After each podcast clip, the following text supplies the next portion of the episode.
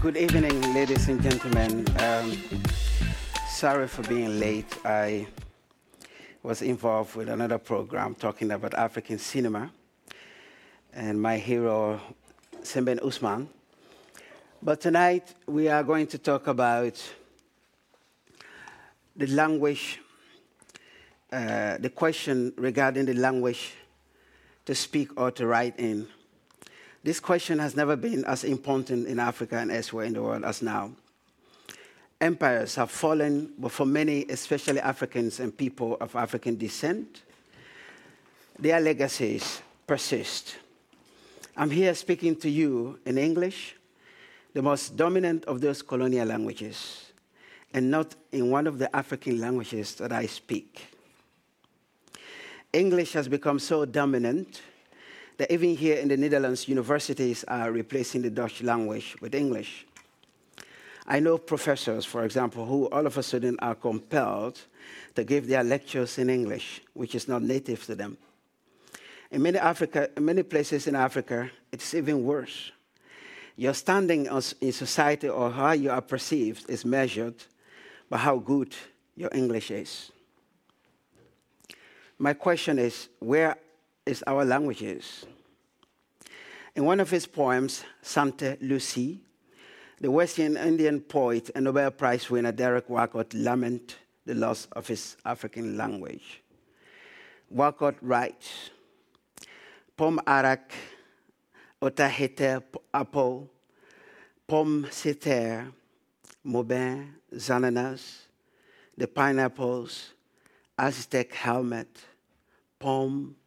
I've forgotten what pom for the Irish potato, ceres, the sherry, zaman, say almonds. By the crisp sea bursts, Aubert de la Ovière, come back to me, my language, come back. Where is his African language? What can we do to address the dominance of the English language and other colonial languages? How can we decolonize the minds of Africa? But most importantly, how can we decolonize the minds of the West, the colonizer? With me to answer some of these questions is one of the giants of African literature, a true trailblazer, a Dora Milaje, a real Amazon, Ellah Wakatama. I love the Amazon bit. Thank you. Yeah.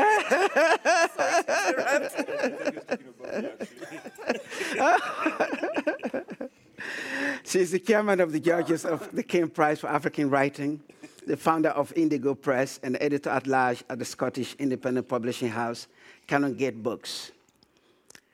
She's done much more. Last year, she was chosen by Brittle Paper, that's a paper, an online uh, magazine, literary magazine founded by uh, a very passionate lady, Ainehi, uh, to celebrate Africa, African literature. So Ellah was chosen as the African Literary Person of the Year 2019. Ladies and gentlemen, Ellah Wakatama. Thank you.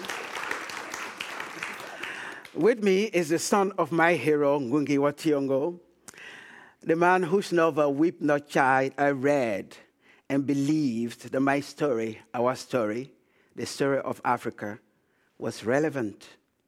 Professor Mokuma Wangugi, the son, is a great writer in his own right. He's written many acclaimed novels. He's also a poet, essayist, and university lecturer in the United States. Ladies and gentlemen, Mokuma Wangungi. And I'm your host for tonight, Vamba Sherif, novelist, film critic, speaker of many African languages, and, and other foreign languages, including Arabic, Dutch, and yes, and others. So, um, Ellah, let's begin with you. Um, what is our relationship to the English language? What is your relationship or the African relationship to the I want English to language? start with a, a story. And um, I grew up in my grandparents' village. I grew up with my grandparents until I was four years old, at which point I was transplant, transplanted from uh, rural Wedza in Zimbabwe to Iowa, where my father was in college. I didn't speak any English at all. I had never seen white people. In fact, my grandmother would get me to behave by saying, Ellah, if you're naughty, the white man's going to come and eat you. Yes. So I, I firmly believe this to be true. So you can imagine my horror at landing up in the Midwest of America where Yeah. there were all these cannibals. but the, the, my, my introduction to the language was going out into the street and finding a, black, a group of black children. And I went to speak to them because they were black, therefore they were people. Mm-hmm. And they didn't speak Shona. Mm. So I came home crying and saying to my mother, "There's something wrong with them. Mm. They, they, they, they can't speak." And she said, "They don't, they, they don't speak." This is the first inkling I had of different languages. Mm-hmm. So my mother tells me that for the next six months, I just didn't speak. I was silent, and she was hmm? teaching us English, and I was listening. Mm-hmm. And until I could speak, then I spoke. Then I started speaking with a severe stutter because it was a traumatic experience. Mm. So for me, it was moving from the language of love and care and knowing what my world was to a language of um, abrupt trauma and um, not knowing who my people were. And this has carried on for me. And I think, you know, th- this, it, for me, I think that's where my obsession with language comes from, is having lost one and having to gain another one in, in difficult circumstances. So um, just to repeat your question, because I, I, got di- I digressed. Yes, your relationship to the English language. So that's, that's the beginning of my relationship to the English language. Now it is mine. So the, the English that I speak is the English of an American raised Zimbabwean British woman. With, with all of the things that come in it, who, who also speaks Shona. And so language is how we express ourselves it's how we express everything it's from the very beginning when we're learning to communicate with other people it's you know initially if you're lucky enough a language of love from your, your parents and your that mother tongue that you have and then the other languages that you live in um, it is mine and yours? Um, I don't know. I, I tend to approach the language question differently for myself. Like I'm interested in um, in a few basic points. One is that things fall apart, which has been translated into over 70 languages, what we call one languages. Uh, doesn't exist in Chinua Achebe's I- Igbo, right? Yeah. There's no authoritative text in, in, uh, in his language. And, and I have to ask myself, in what world is it possible that the most famous African novel, read all over the world, translated into all these languages, and celebrated for it, doesn't exist uh, in the author's mother tongue? Um, and for me, that, that has been the, the, the, animating question. And you can answer in different ways. We can talk about colonial education. Um, we can talk about the publishing industry and the mechanics of it. But I think it's such a fundamental question. Yeah, yep. But my, my, own, my own introduction to English was uh, uh, with my brothers teaching me how to say she sells seashells at the seashore. or uh, did you go through that? Yeah, yeah. yeah, or the, the red lorry went around the red band. Because in my language we don't have L and R. Oh, sorry, uh, L and S, right? You know, so we did what we call shrubbing. Uh, and if you didn't speak English properly, um, you are shunned. Let me put it that way. There's no other way of putting yeah. it. Literally, meaning your dating life, it could affect your upward social mobility and so on mm. and so forth. So another question I ask myself: In what world is it possible that I, as a kid in Limuru, for God's sake, Limuru in Kenya, mm. I'm sitting there practicing she sells seashells at the seashore mm. obsessively, right? Um, yeah, so I have a, maybe I should just say I have a very ambivalent uh, relationship to the English language at best.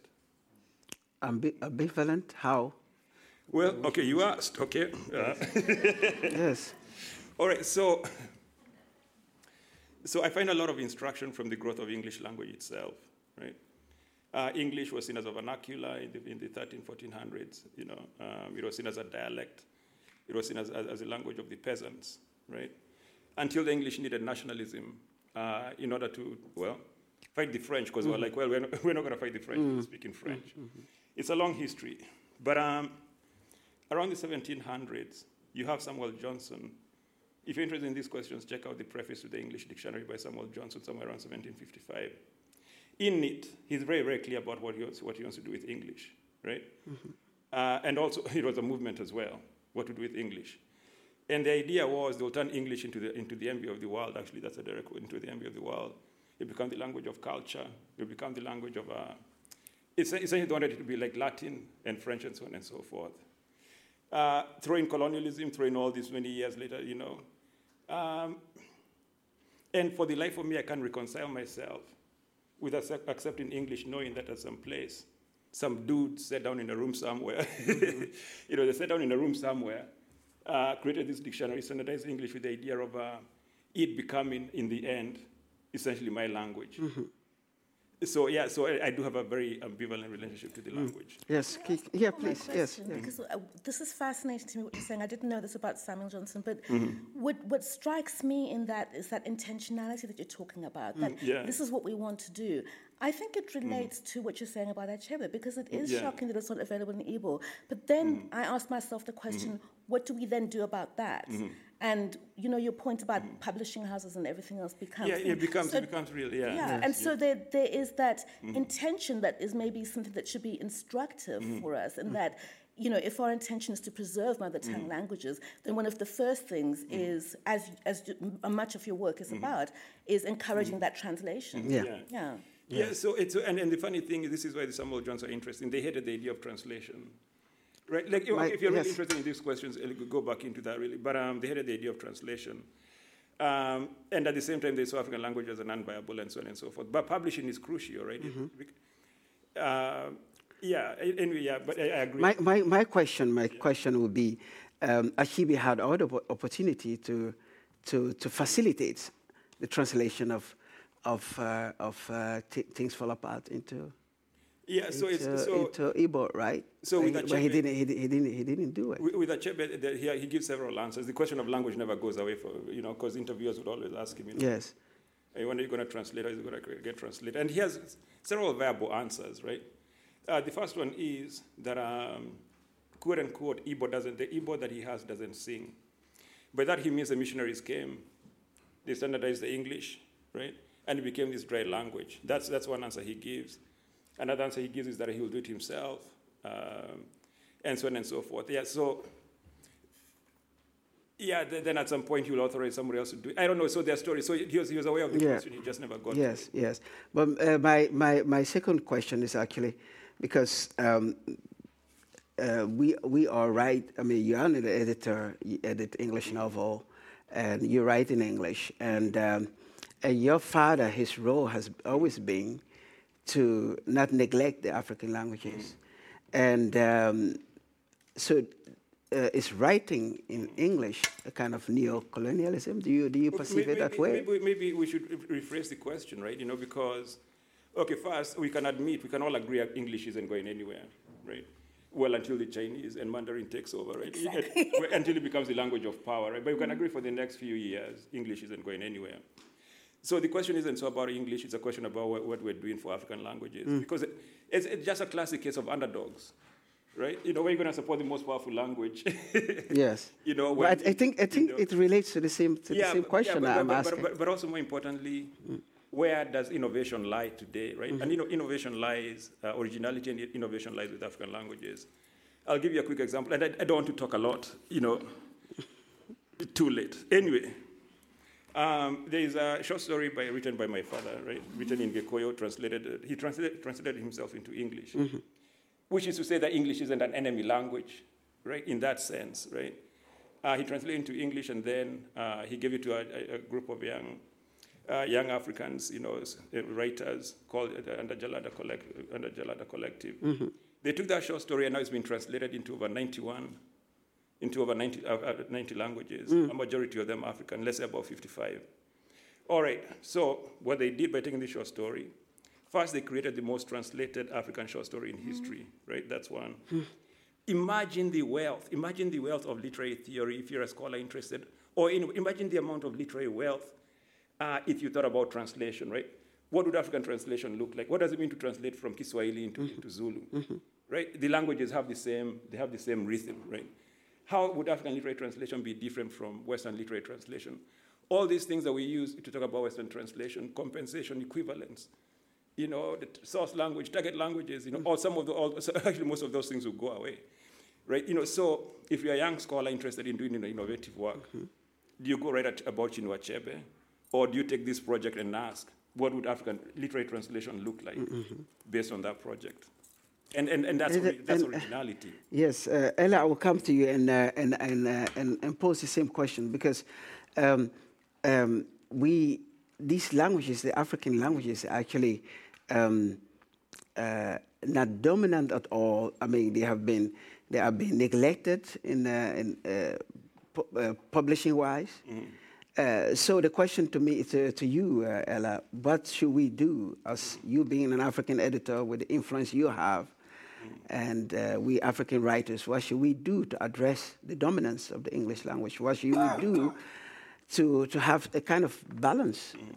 I think uh, there, there, are several things in what um, Mukoma said that seem to me, sorry, that seem to me to be quite that are important. Mm-hmm. You know, mm-hmm. the, the, first thing he says that you know English is not going away. Yes. And so we, we shouldn't sit here and talk as if this is something that's we're going to turn it upside down. Mm-hmm. That's not going to happen. Which is that's just the it is what it is as as they say. Mm.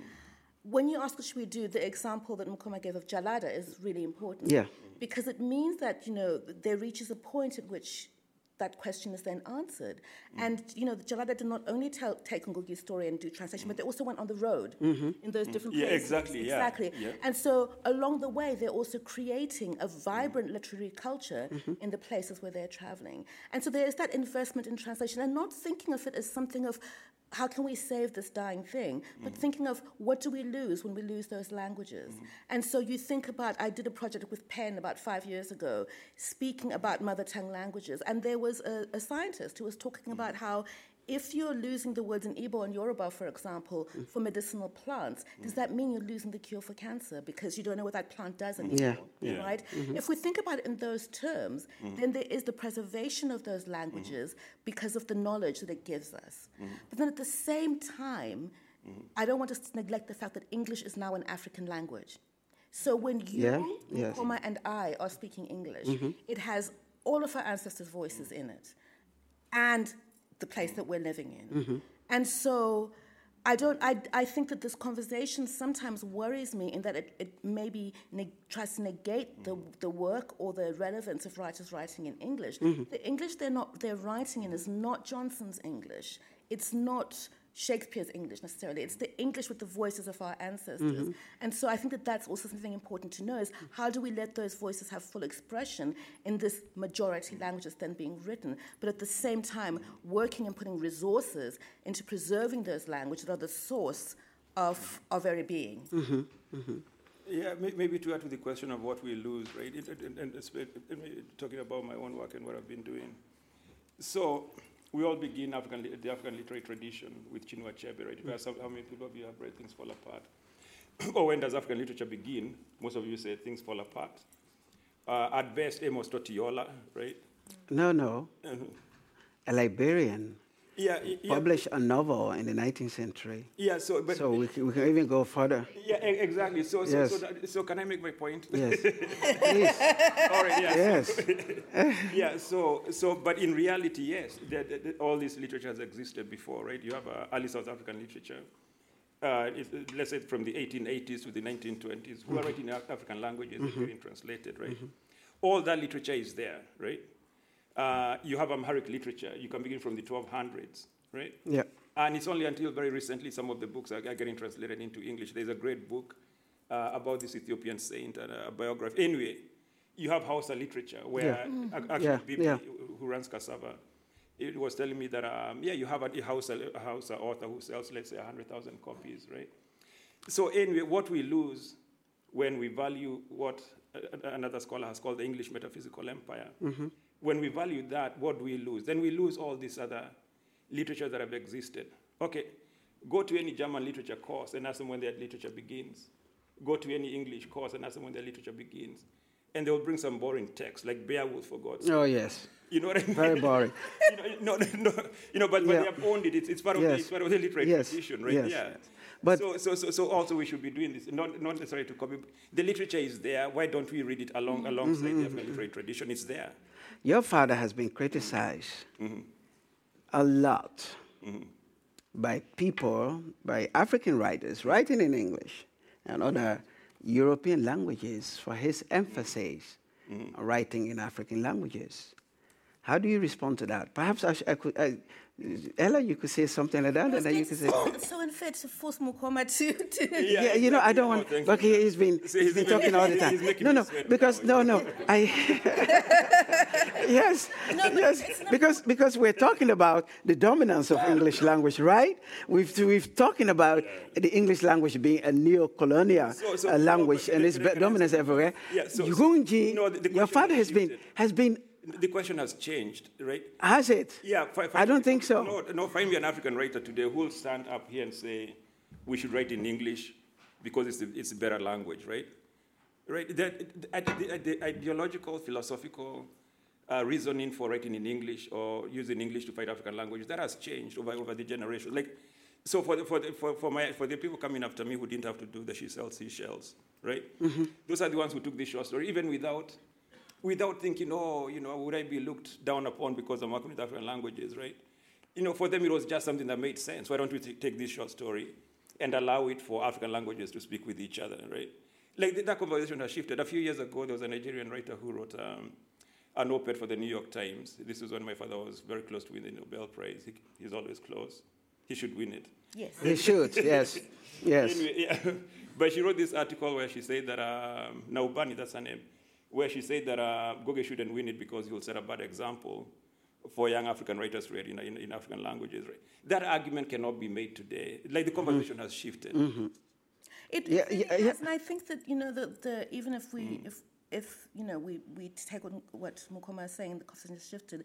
Mm. The fact that the conversation continues because of the link with Ngugi's name is always important Mm-hmm. because it's not it's something that we should you know interrogate constantly. But at the same time not in a way that paralyzes us. I mean this is my huge concern is that you know the two things are not mutually exclusive. Mm. The promotion of mother tongue languages do not, does not exclude or negate the work that's being done mm-hmm. in the englishes mm-hmm. that we write Yes. you know english is mm. plural that we're writing in. And so you know i kind of agree with you mm. in that Yeah. being, being slightly I, th- you know, not to be rude, but to be slightly bored and saying, okay, that's a question that happened. But actually, you know, in the here and now, these are the different things that we're doing. And the, the example of the short story is mm. not the only example of translation efforts mm-hmm. across the continent. You know, there, there are so many. There's the question of mm-hmm. us Africans who don't speak Arabic mm-hmm. and therefore not reading what's happening you know, in Yeah, the northern part of our continent. Oh, yes, You I know, read- not- I read- only- I read, so yes. there are all of those things, or English speaking or French speaking, there are all of those other issues going on mm.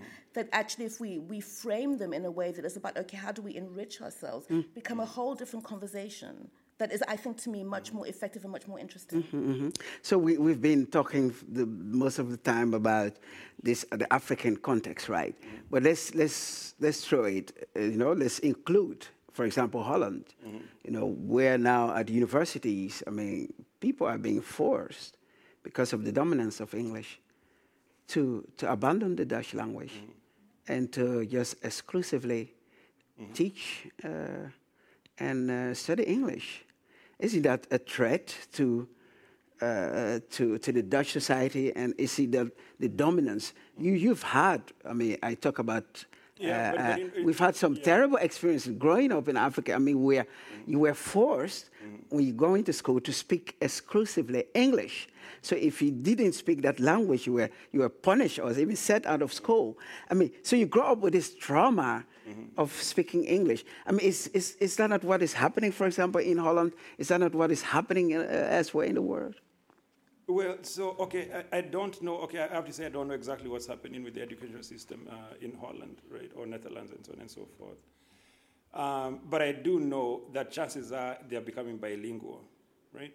In the same way, I have a Swedish brother, right, who speaks, very comfortable speaking Swedish and, and English at the same time, right? So meaning, as Ellah is saying, it's, it's not either or, right? And I don't, I don't think even here in the net it will become either or, right? At the same time, I don't see how let's say the Germans would accept the idea of uh, their national literature existing solely in French. or Russian or Chinese. Right, you know what I mean? Yeah, exactly. Because, because, but that's what we have accepted ourselves, right? You know, we accept that our national literature exists in English. So anyway, so yes, so, so, so there are different questions of power. That's the theme that I explore in my essay uh, yeah. regarding the decolonizing the mind. Yeah. That um, you have Chinese literature and Chinese are writing in Chinese, mm-hmm. and we, mm-hmm. in many places, because of colonization, we are writing in French or in English, and as a result, mm-hmm. most of the, the, things, the development in Fr- uh, Francophone Africa, is being lost upon us because of this language uh, difference. So perhaps if we, if we write in our own languages, perhaps that might be easier. Mm-hmm. Don't you think so? I, I, I, want us, though, to reframe the whole discussion because mm to me, when you say something as powerful mm-hmm. as decolonizing the mind, mm-hmm. it's not about a lament, it's a statement of intent of agency yeah. and of power. Since you've designated me an Amazon, I'm going to go with it. Right? yeah, yes, please. And also of, of, about power.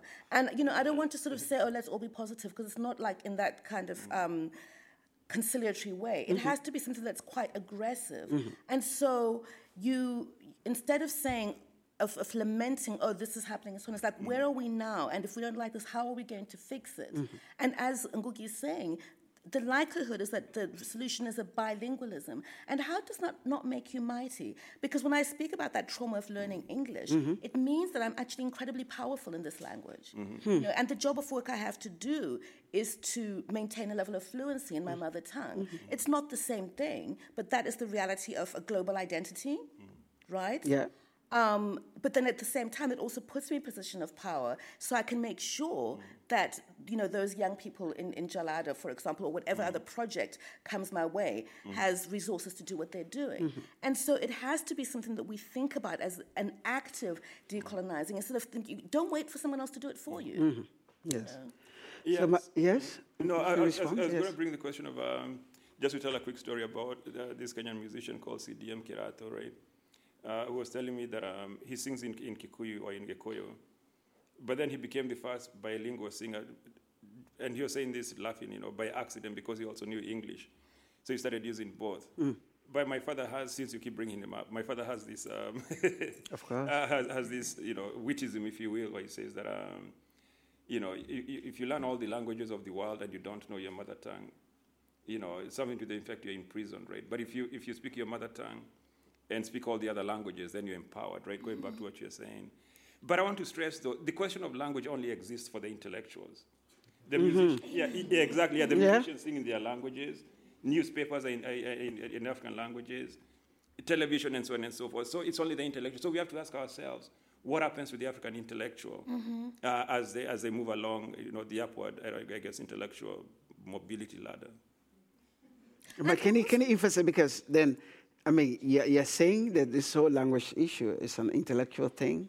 No, no, no. It, no it's, a, it's a, no, it's it's a, it's a, it's a what like what, what do you call Preoccupation. it? Yeah, yeah, yeah, for, yeah, for, for, for the intellectuals. But that's because we're the ones who have gone through.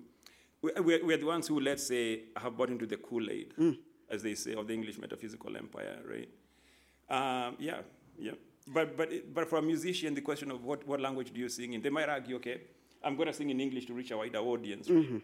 and so on and so forth. But to ask them you shouldn't sing in your language would sound odd. We also sometimes I think we tend to then speak in this very romantic mm. way, as if the languages that we're talking about, the mother tongue languages, have stood still for the yeah, last exactly, yeah. Mm. yeah. They haven't.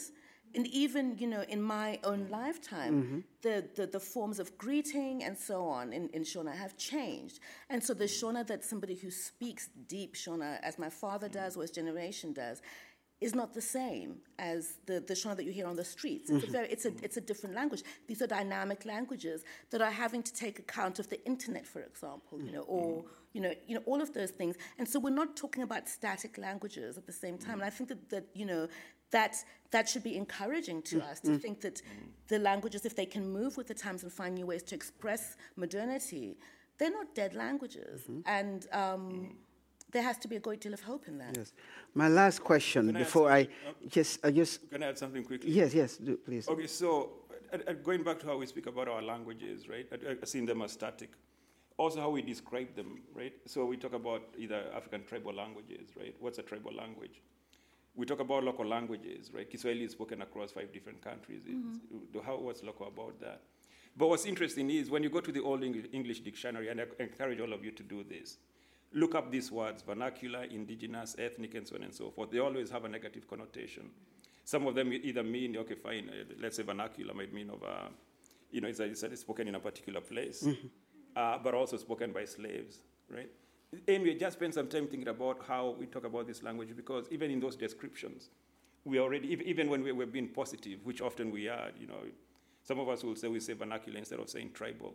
Even with those modifiers, we're still negating uh, the, the, the, the equality of African languages with, other- with other languages. Thank you. Mother tongue language. So, uh, so my last question is this: um, How do we decolonize the mind of the colonizer? Oh, Well, that's okay, not oh, our I- job, sorry. No, no, no, no, hold on, hold on. No, no, it's, Yeah, no, we're, I- I agree, we're here. I- I- no, it's I a agree. meditation, please. Yeah, no, no, I, Please I, attempt I, I agree, I yes. agree, I agree, but I have the perfect example, right? Yes. Okay, this is a book um, uh, being done by a woman who lives here, right? Uh, who lives in, um, in the Netherlands. In The Hague, yes. Yeah, in The Hague Yes. specifically, right? She studied in an African school, or she studied in an African school where African kids can come and uh, learn African languages. And the reason she's doing that is because we have first or second generation, uh, uh, uh, let's say Africans who have grown up, who have grown up here, who don't know their mother tongues, at the same time face alienation from, from the quote unquote the dominant culture, right? So it is incredibly important work, the work that she's doing, right? Because language will give people a sense of identity, a mm. sense of history, and so on and so forth. But does she have funding? No.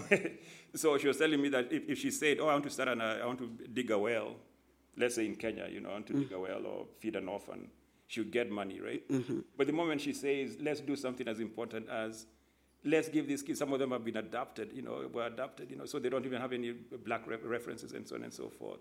But the moment she says, "Let's do something that," even even even, even the Dutch people themselves, anybody should be interested in learning Kiswahili or other language. Mm-hmm. It can be all about our European languages.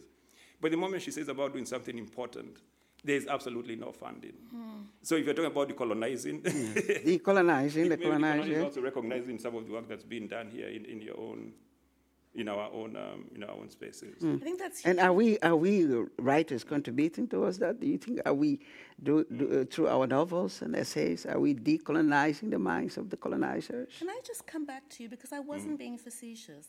I think that the colonizer has had so much of our attention, mm-hmm. so much of our intellectual and emotional output. Mm-hmm. It is not our job. We have other work to do. I, I really believe mm. that. And part of that work is something like this. Yeah. You know, if their minds cannot be decolonized, mm-hmm. Then let them wallow in that for as long until they just, you know, they become obsolete. I, I, it's, you know, there's, there's um, th- th- so uh, uh, earlier I was talking about the wretched of the earth. You know, so, and, and in, in the introduction to the wretched of the earth by Sartre, is that how you pronounce it? Sartre. Sartre. Sartre, yeah. Yes. Uh, he talks about what, uh, what the wretched of the earth means, and he talks about how the wretched of the earth is a bunch. It, of course, we can talk about the gender. So he says a bunch of, you know, black men who are around a fire. You can talk about that as well. But anyway, the point is, he says they're discussing about their liberation, and, and the colonizer is welcome to come and listen in, right? But, but we cannot center, we cannot center the uh, colonizing mind into that. And I, and I can give you examples of why we shouldn't do that. Because of all the other networks we lose, uh, the history that, that you know, of, of solidarity between black people across, you know, across spaces. Like, you know, you could talk about, let's say, Malcolm X in, um, uh, I spoke about this the other time, you know, Malcolm X in Ghana, Martin, Martin Luther King in Ghana, uh, Castro in Havana, right? There, there are all these other networks of global South solidarities that we miss if we keep centering the, the colonizer, so to speak.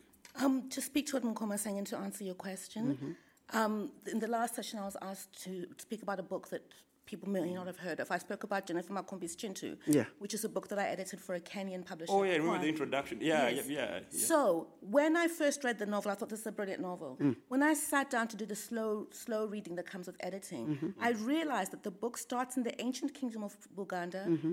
It then skips generations, and we're in post Idi Amin um, Mm-hmm. Uganda. Yes. The third time I read the book, I thought, wait a minute, she doesn't talk about the British at all. Yes. So I phoned her and I said, Jen, you don't talk about the British at all. She said, yeah, I don't really care about them. Uh-huh. And this book is revolutionary because she's talking about an African experience, and she decided that everybody always either begins or mm. ends with yeah. colonialism. Mm. Let's just talk about ourselves. And the book mm. has just just swept East Africa and the rest of the continent, the rest of the world, mm. won prizes. Mm. And that is the work of, of the writer, where that mm. deci- you, we can't pretend colonialism didn't happen, but it does not, as Mukoma says, have to be at the center of our intellectual and emotional output. Yeah, maybe it? perhaps you could tell the story of um, of then the introduction by when you got Yeah, published oh. in the oh. West. Yeah. Aaron, Do Bar- have Aaron I know him. Yes. Yeah, so um, should I tell the story? yes, yes, please do. Okay. Um, so the, we, we published the book in Kenya, and then it was then um, taken up by a British publishing house years later. And then it was bought by an American publisher eventually, maybe five years after we published it. Yeah. It was already a bestseller on the continent, which was the intent of the project. The American publisher got a young white man who is somebody I quite respect, actually. He's a good literary Yeah, he's a- scholar. Yeah. He's a good literary scholar. And I, I follow him, I like his work. So mm, yeah. They invited him to write an introduction to this book. Mm. And I saw that and was incandescent mm. because I thought I, as a black African, Southern African, could read Dickens and no one wrote an introduction so that I could understand it. Yeah. You know, I could read Bronte and Austen and no one had to write an introduction. I knew what they were talking about mm-hmm. and they were speaking to me too. Why do, do we need a white man to explain a black woman to the world? She did it all in her book. Yes. Everything you need to know is in that book. is in that book. And so I wrote an essay about it. Yeah. This, you know, this is an Yes, example. uh, yes, of- I yeah. yes. We could go on like the whole evening, and um, I don't know whether we have time for a question or two. Um, do we have time? Uh, Do we? We're making time. Yes, because I have another program after this. Let's see if there Um, any, any questions. So just one question, please. Anyone? Or I'm an sure. answer. I mean, this is your opportunity. This is your opportunity to meet this Amazon, to meet the son, the son of this this uh, great writer, my hero, Great writing is and a great writer himself. Come on, come. Ask something. Don't be shy. There's one at the back there.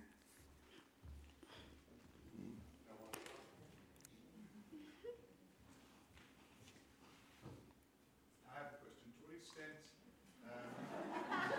To what extent Uh oh. Uh, I'll, I'll try to keep it short. Um, I grew up in Indonesia, uh, uh, and one of the things that Indonesia did immediately after independence was ditch Dutch and have their own language, which they constructed from Malay, Javanese, and Arab.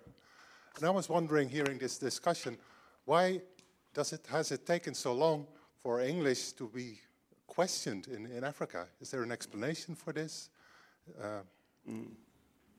No, no, it, it has always been questioned, right? It's a, it has always been a question. Maybe it's a question of, um, of those with the resources and the interest in maintaining the English metaphysical empire, not um, amplifying those, those answers, right? I gave the example of how early South African writers were writing in African languages and getting translated, right? Uh, you have Amharic writers, you know, begin, the literature begins in the 1200s. Wi- Within, within uh, the Makerere generation, the Achebe generation, it's a question that existed, right? You know, should writers uh, write in English and so on and so forth.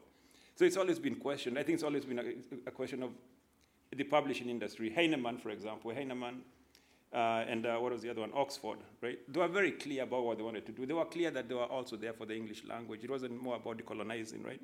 Even, even, though, even though the writers themselves were decolonizing, right? But oh, let me just put it this way. For them, they just assumed, right? They just assumed the English metaphysical empire was the normal one, right? No, but you've always had people questioning or, or just writing or just writing because what they do. Yes. Um, it's, it's too bad I didn't get to talk about the Kiswahili Prize, which, in, which, which I co-founded, because that has been like a front, like a, like a window seat into the whole language question. And, and the sheer imbalance of resources, already meager. Let's, first, let's not pretend that English you know, in Africa is thriving in, in, in terms of literary prizes and journals and so on and so forth. But even then, it's much, much worse for African languages. Mm. But the questioning has always been there.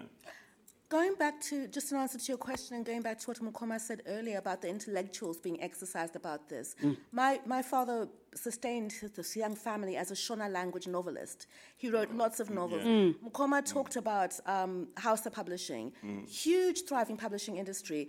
Just because the rest of the world hasn't heard about it mm. doesn't mean that within our countries things are not happening or haven't happened in our mother tongue languages. There's a lot of that, and a lot of it is in genre fiction, crime, kind of pulp fiction, Yeah, exactly, all of those things. And so when you get to the more intellectual literary fiction, that's where the, the battles begin. But there's a whole wealth of writing and publishing that is contained within country. Yeah, actually, maybe to, to, to, to add to that just quickly, you could ask yourself the question is it world literature if it's in an African language? I think it is. yeah, exactly. Yeah, Yes. yeah, yeah, it shouldn't even be a question, you know. But Yes, there's someone with, yes, it's um, Kiza. Yes, please. Thank you very much.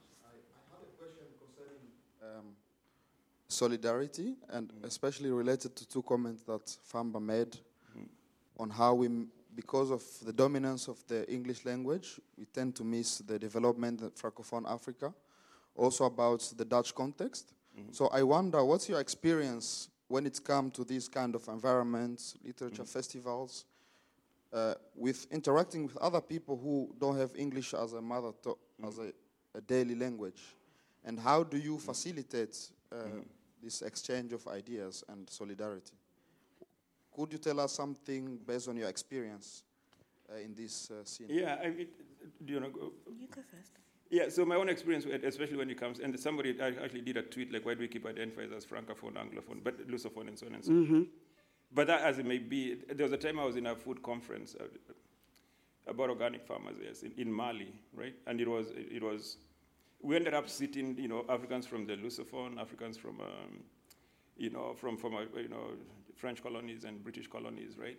And we couldn't talk to each other, right? You know, but really, again, translation, we can, we cannot stress enough the importance of translation, right? It, okay, first, most Africans, just by definition of growing up with, with, within other communities, speak multiple languages, right? Mostly socially because they're not taught in schools. But really, my, my answer would, would always go back to translation. And that's something we haven't, we haven't done enough of thinking about translation, right? Uh, okay, maybe literary festivals like this should ask us, you know, what language do you want to speak into? Uh, do, you- do you want to speak into? Yes. And can we get you a, a translator? That's a question I've never gotten anywhere I've gone, right? Because the default is understood that I'll come, and you know, and uh, I'll speak in English, which I do. So there's that other counter argument. Yeah, but translation, we, we need to really, really center translation because languages don't divide people. You know, there's these as- assumptions, especially Africans have, that um, you know, that if I promote Kikuyu, it also means I'm anti-Luo, or, you know, if I promote isiXhosa, I'm anti, you know, Zulu, and so on and so forth. Uh, But really, it's, it's not languages that divide people, it's the politics. So, but tra- translation is where all languages meet on a democratic space. Thank you. Yes. Was that it? question, to what extent, um, uh, to what extent are there programs for uh, celebrating the uh, languages? And, I know that obviously Africa's know, so many countries, but um, are you aware of programs where young children are being taught to uh, explore poetry and music in their own language? Because um, we're discussing books and, and academia and, and people who are well read in many different languages. Um, but to what extent are young children being stimulated to speak and discover and explore their own language? I, it's, that's an area I don't know very much about, um, so I'm not going to answer that question. Oh, it's, but the, the, the only response that comes to mind is uh, you have like a Cassava Republic Press, right? Uh, who are, because the, the, the main issue is, for example, with my daughter, I've tried to find Kikuyu books, you know, where I can use it- use the textbooks, not textbooks, but like reading books, you know, for young people. So, but at least now I think there is growing recognition. As I said, the language question is shifting. So, an, a, a concrete example is Cassava Republic Press, uh, based in Nigeria, where they're starting a, an, a, an African language imprint for young children. Uh, like I said, in, even in these sort of spaces, you have people who are recognizing that, you know, that African children really have a hunger, you know, to speak, to be bilingual in one of those languages being, you know, the language where they're coming from. So the efforts are there. We just need to really support, right? Like it's, it's, it's, a, it's, a, it's a shift. It's a shift that happens when you leave the English metaphysical empire, you know, where then you realize that really the, even though it's not the most rewarding and visible work, like what this woman is doing, is really the foundation for the future. Really. Yeah. Yep.